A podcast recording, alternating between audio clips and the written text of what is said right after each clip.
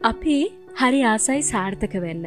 අපි කරන ඕනම දෙයක් සාර්ථක වෙනවා දකින එක තමයි අපි හැමෝගෙම ප්‍රාර්ථනාව වෙන්නේ. නමුත් සමහර වෙලාවට අපි කරන්න පටන්ගන්න දේවල් අපිට හරියට කරගන්න බැරි වෙනවා. ඔයා හිතනවා අද දවසේ කොහොම හරි මේ නෝට්ස් ටික පාඩන් කරලා ඉවර කරනවා කියලා. ඒත් කරගන්න බැරි වෙනවා. ඔයා හිතනවා අද දවස මෙන්න මේ වැඩ ටික කරලා ඉවර කරනවා කියලා.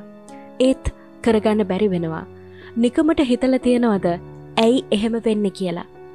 ඒකට බලපාන ප්‍රධානම හේතුව තමයි අපේ අවධානය බිඳ වැටීම. අපේ මනස හුරුවෙලා තියෙන්නේ නිතරම එහෙට මෙහෙට දුවන්න. අපිට බැහැ අපේ මනස එක තැනක තියාගන්න. ඒ නිසාම අපිට ගොඩක් දේවල් අහිමි වෙනවා. ඒ අහිමි වෙන දේවල් අතර තියෙන වටිනාම දේ තමයි කාලය. ඔන්න ඔතනදි තමයි අපි කියන්නේ අපිට අපේ වැඩ කරගන්න පැය විසි හතරත් මදි කියලා.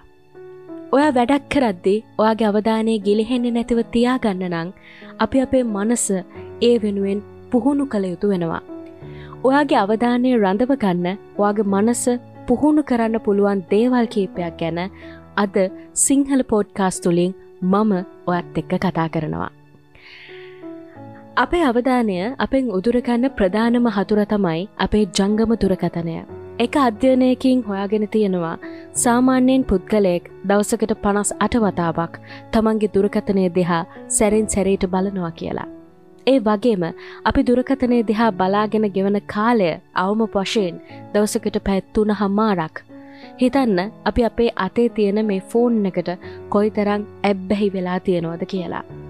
මේ ඇබ්බැහියෙන් ගැලවෙන්න ඕන නං ඔයා වැඩක් කරන්න පටන් ගනෙද්දේ ඔයාට පේනමානේ ආගේ ෆෝන් එක තියාගන්න එපා. ඔයා වැඩක් කරද්දේ වගේ ෆෝන් එක සයිලන් කරලා ඒකවාට නොපෙනෙන තැනක තියන්න. වැඩ ඉවර කරලා මිසක් ෆෝන් එක අතට ගන්න නෑ කියලා ඔයා ඔයාටම අභියෝග කරන්න. මේක දිගින් දිගටම කරත්තේ ඔයාට කාලය කොයිතරං ඉතිරි වෙනවද කියලා දැනෙයි. ඒ ඉතිරි වෙන කාලය ඔයාගේ වැඩ කටයුතු සාර්ථකව ඉවර කරන්න පාවිච්චි කරන්න. අවධානය රඳවගන්න මනස පුහුණු කරන කෙනෙක්ට තමන්ගේ විනෝදාංශය විදිහට පවත්වගන්න පුළුවන් හොඳම දේ තමයි පොත් කියවන එක. එහෙම නැත්නං ගීතවලට ඇහුම්කන් දෙන එක. අපි පොතක් කියවනකොට අපේ අවධානය එතන නැතිනං අපිට කියවන දේ තේරුම් ගන්න බැහැ. ඒ නිසා පොතක් කියවද්දේ අපි නිරායාසයෙන්ම මනස එක තැනක තියාගන්නවා. ගීතයකට හෝ යම් හඬ පටයකට එකැන මේ වගේ පෝට් කාස්ට එකට සවන් දෙද්දිත් ඒමයි. අපිට ඇහෙනදේ තේරුම් ගන්න නං අපිට ඒ ඇහෙනදේ කෙරෙහි අවධානය තියාගන්නම වෙනවා. ඉතින් ඒ නිසා පුළුවන් තරං කියවීම සහ ඇහුන්කන්දීම කියන ක්‍රියාකාරකං වල යෙදෙන්න උනන්දු වෙන්න.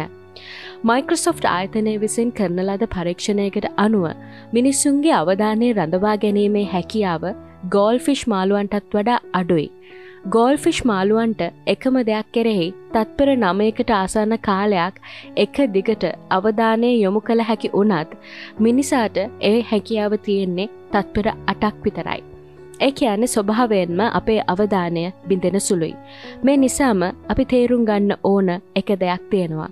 අපිට එක වෙලාවක හිතන්න පුළුවන් සහ කරන්න පුළුවන් වෙන්නේ එක වැඩක් විතරයි.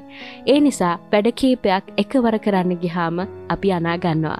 ඔබේ වැඩ කටයුතුවල යම් සාර්ථකත්වයක් දකින්න ඕනනං වැඩ කොයි තරං ගොඩ ගැහිල තිබුණත් මේ මොහොතේ ඔබ කරන වැඩේ කෙරෙහි විතරක් අවධානය දෙන්න පුරුදු වෙන්න.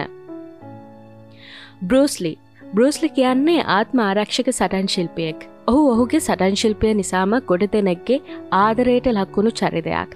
වරක් ඔහුගෙන් කෙනෙක් අහනවා සාර්ථක සටන් ශිල්පියෙක් වෙන්න නං පුහුණු කළ යුත්තේ ශරීරයේ කුමන කොටසද කියලා. එතකට ඔහු කියනවා සාර්ථක සටන් ශිල්පියෙක් වෙන්න නං ඉස්සෙල්ලම පුහුණු කළ යුත්තේ ශරීරය නෙවෙයි මනස කියලා. ඔහු තවදුරටත් කියනවා තියනු අවධානයක් තියෙන ඕනම කෙනෙක්ට සාර්ථක සටන් ශිල්පියෙක් වෙන්න පුළුවන් කියලා. අපි අතින් පයින් ගහගන්න ආත්ම ආරක්ෂක සටන් ක්‍රම හදාරණ අයන් නෙවෙයි. ඒත් මතකෙතියාගන්න අපිත් ඉන්නේ සටනක ජීවිතේ ජයගන්න සටනක ඒ සටන ජයගන්න නං ඔයත් ඔයාගේ අවධානය රඳවා ගැනීමේ හැකියාව දියුණු කරගන්නම ඕන.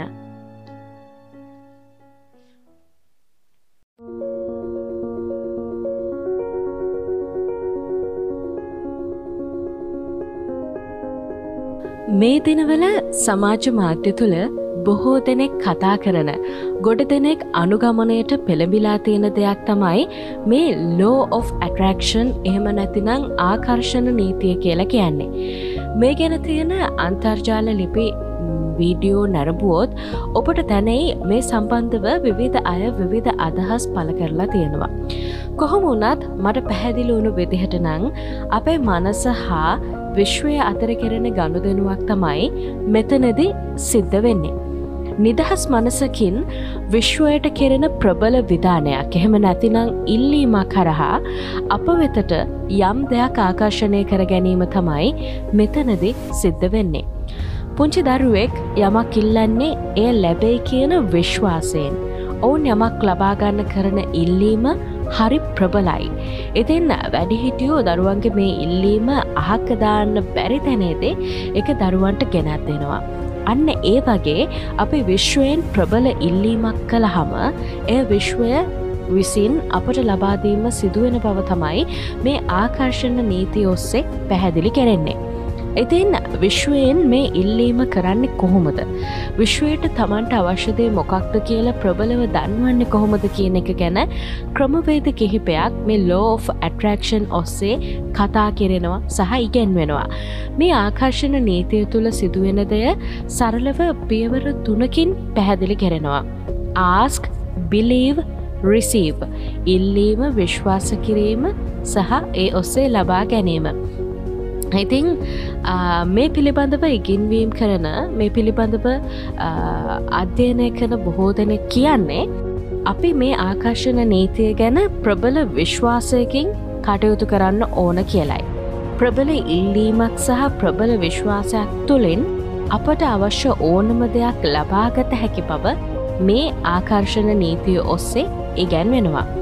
ආකර්ශණ නීතිය ක්‍රියාත්මක කර ගැනීම සඳහා ඉල්ලීම් කරන්න පුළුවන් ක්‍රම කීපයක් ගැන සඳහන් වෙනවා. 55/5 ක්‍රමය එවගේම 369 ක්‍රමය 33/3 ක්‍රමය මේ වගේ ක්‍රම ඔස්සේ ඔයාට අවශ්‍යදය ගැන සහතික කිරීම් ලිවීම එහම නැත්නම් අෆමේෂන් ලිවීම ඔස්සේ ඔබට ඔබට අවශ්‍ය දේ පිළිබඳව විශ්වයට දන්වන්න පුළුවන්.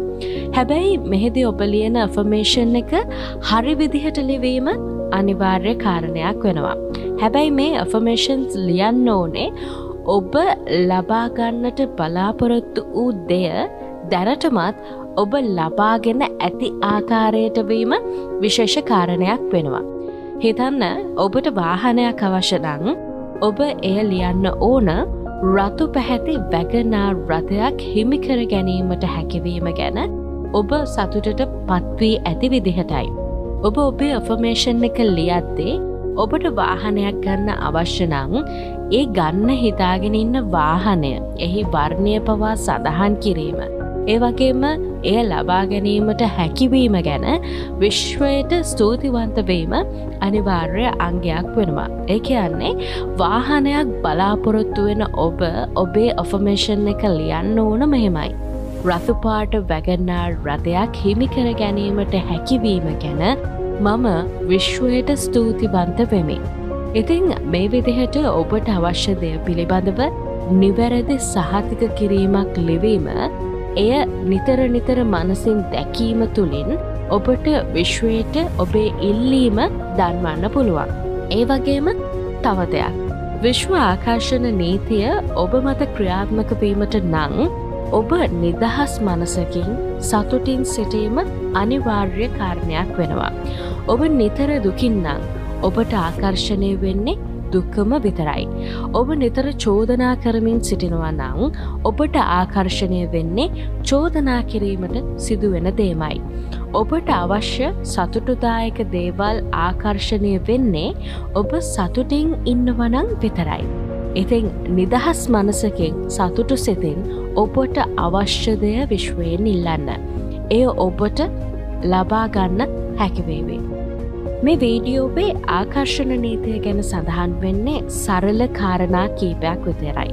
ආකර්ශණ නීතිය උඩින් අතපත කෑමක් විතරයි මේ වීඩියෝවෙන් කෙරෙන්නේ. හරි ඉතිං මේක දිගින් දිගට අධ්‍යයනය කරමින් පුහුණු කරමින් යන්න ඕන ගමනක්. ඉතිං මේ ගැන තව විස්තර අපි ඉදිරි වීඩියෝවලින් කතා කරමු. ඉතිං ආකර්ශණ නීතිය ගැන තව තවත් විස්තරාත්මක තොරතුරු දැනගන්න අවශ්‍යනං සිංහල පෝඩ්කාස්ට් YouTube චැනල් එක සබස්ක්‍රයිබ් කරලා තියාගන්න. ඒවගේම අපි වීඩියෝ දාපු ගමන් බලන්න ඒ ළඟම තියෙන බෙල් අයිකරන එක කලික් කරලා ඕල් කියන එක සෙලෙක් කරන්න. එහෙනම් සුබ දවසක් විශ්වාල්ද බෙස්ට්.